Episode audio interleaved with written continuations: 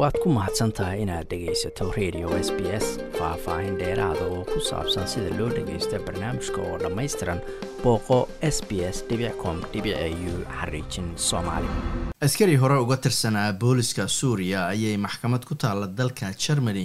Waxa ay ku heshay dembi ka dhana bini-aadanka ninkan ayaa lagu eedeeyey inuu ku lug lahaa tacadiyo lagula kacay maxaabiis ku xirnaa xabsi ku yaalla caasimada dimashik toban sano ka hor anwar raslan ayaa noqonaya sarkaalkii ugu sarreeyay oo suuriyaana oo lagu helay dembi ka dhana bini-aadanimada ilaa iyo hadda.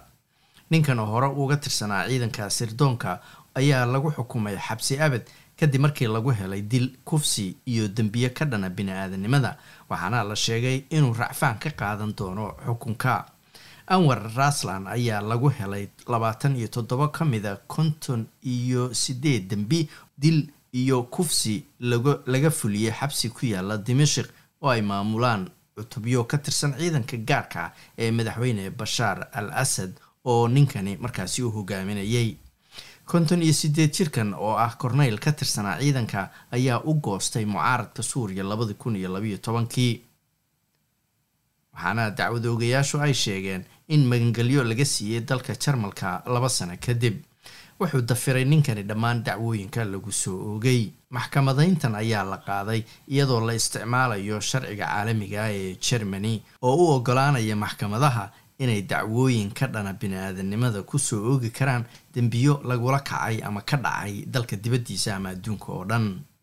Xukunka ninkan lagu riday ayaa waxaa aada u filayay oo sugayay dadkii gaboodfalyada lagula kacay iyo qoysaska dadkii ku baxay gacanta madaxweyne bashaar al asad iyo colaada wakhtiga dheer ka socotay dalkaasi. Waxaana ka mid ahaa dadkaasi yasneb al mashan oo shan wiil oo walaalaheeda lagu dilay suuriya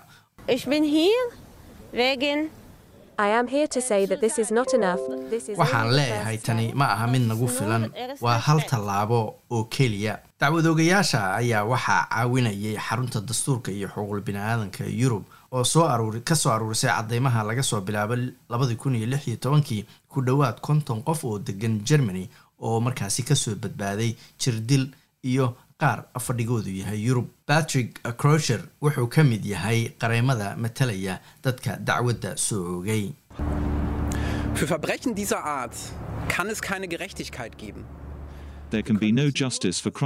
marna cadaalad looma heli karo dacwooyinka noocan oo kale ah. Waxaan isku dayi karno waa inaannu wax uun cadaalada helno. Xukunka maantana waa tallaabo yar tallaabo yar oo loo baahan yahay inay kuwo kale raacaan. Hase yeeshee waa arrin muhiim noo ah. Waa tallaabo hore loo qaaday. Dembiyo iyadoo la raacayo shuruucda caalamiga ciqaabtooda la fulinayo waana sii wadaynaa inaanu ka sii shaqayno sidaan u hubin lahayn intaasi dhacdo. Dhibanayaashii dembiyadan iyo kooxaha xuquuqul bini-aadanka ayaa sheegay inay rajaynayaan in xukunkan uu noqdo tallaabadii koowaad ee loo qaaday sidii cadaalad loogu heli lahaa.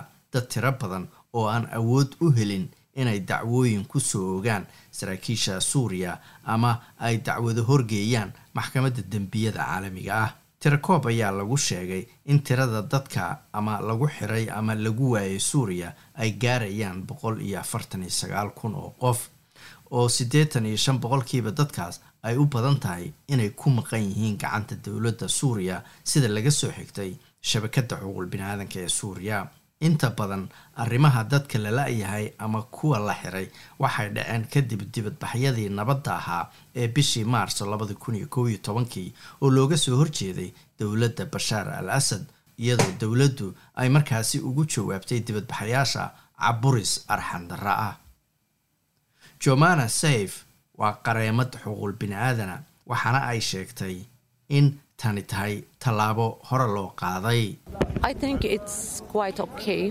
for the survivor. Uh, waxay ila tahay waa arrin u fiican dadkii ka soo badbaaday dhibaatooyinka. Xabsi abid waxay uga dhigan tahay in la garawsaday dembiyada ka dhanka bini-aadanka ee ka dhacay xabsiga alkatiib waxaan rajaynaynaa in dhibanayaashii ay ku qanceen laakiin waa tallaabo muhiim ah oo hore loo qaaday ee dhanka cadaaladda ah waxaana rajaynaynaa inay sal xoogan u noqoto dadaallo kale oo cadaalad lagu doonayo. Waxaa ugu weynaa caddeymaha ka dhanka ah russland waxay ahaayeen sawiro dhibanayaal la sheegay in la jir dilay oo si hoose uu askari uga soo saaray suuriya.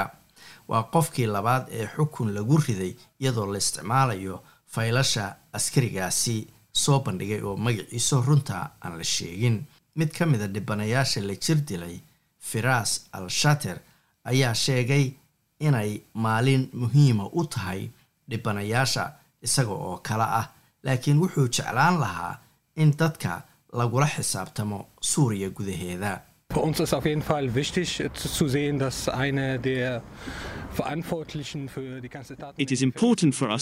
muhiim bay noo tahay for the crimes inaannu in Syrian aragno in dadkii mas'uulka ka ahaa dembiyadii ka dhacay xabsiyadii suuriya la xukumo Calaamad fiican ayay u tahay dimuqraadiyadda aan halkan crimes ku haysano oo aan jeclaan lahayn in mid la mida ay ka hirgasho suuriya oo dhammaan qofkii dembi gala iyo wixii ka dhacay xabsi la geliyo. Qareemada anwar raslan ayaa sheegay inay raacfaan ka qaadan doonaan go'aanka maxkamadda